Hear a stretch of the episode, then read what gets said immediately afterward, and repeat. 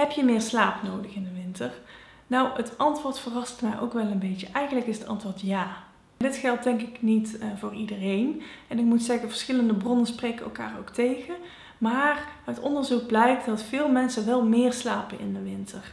En de ene bron zegt een half uur meer per nacht en de andere bron zegt tot wel twee uur meer per nacht. Dat is best wel veel.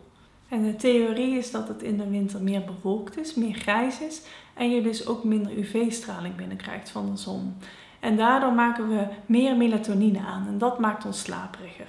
Ik zou wel zeggen dat er een soort grens aan zit. In het algemeen hebben mensen 7 tot 9 uur slaap per nacht nodig, maar dat verschilt wel echt per persoon. Dus kijk vooral ook hoe het voor jou voelt. Je kan ook te veel slapen en dat kan je ook moe maken.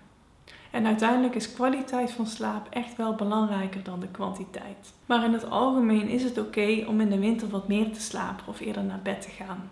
Probeer het uit, doe wat voor jou goed voelt. Het zou ook kunnen zijn dat je in een andere situatie zit. Misschien heb je slaapproblemen of heb je jonge kinderen waardoor je niet aan de hoeveelheid slaap komt. Dat is niet erg. Doe gewoon wat je kan en kijk waar er nog winst te behalen valt.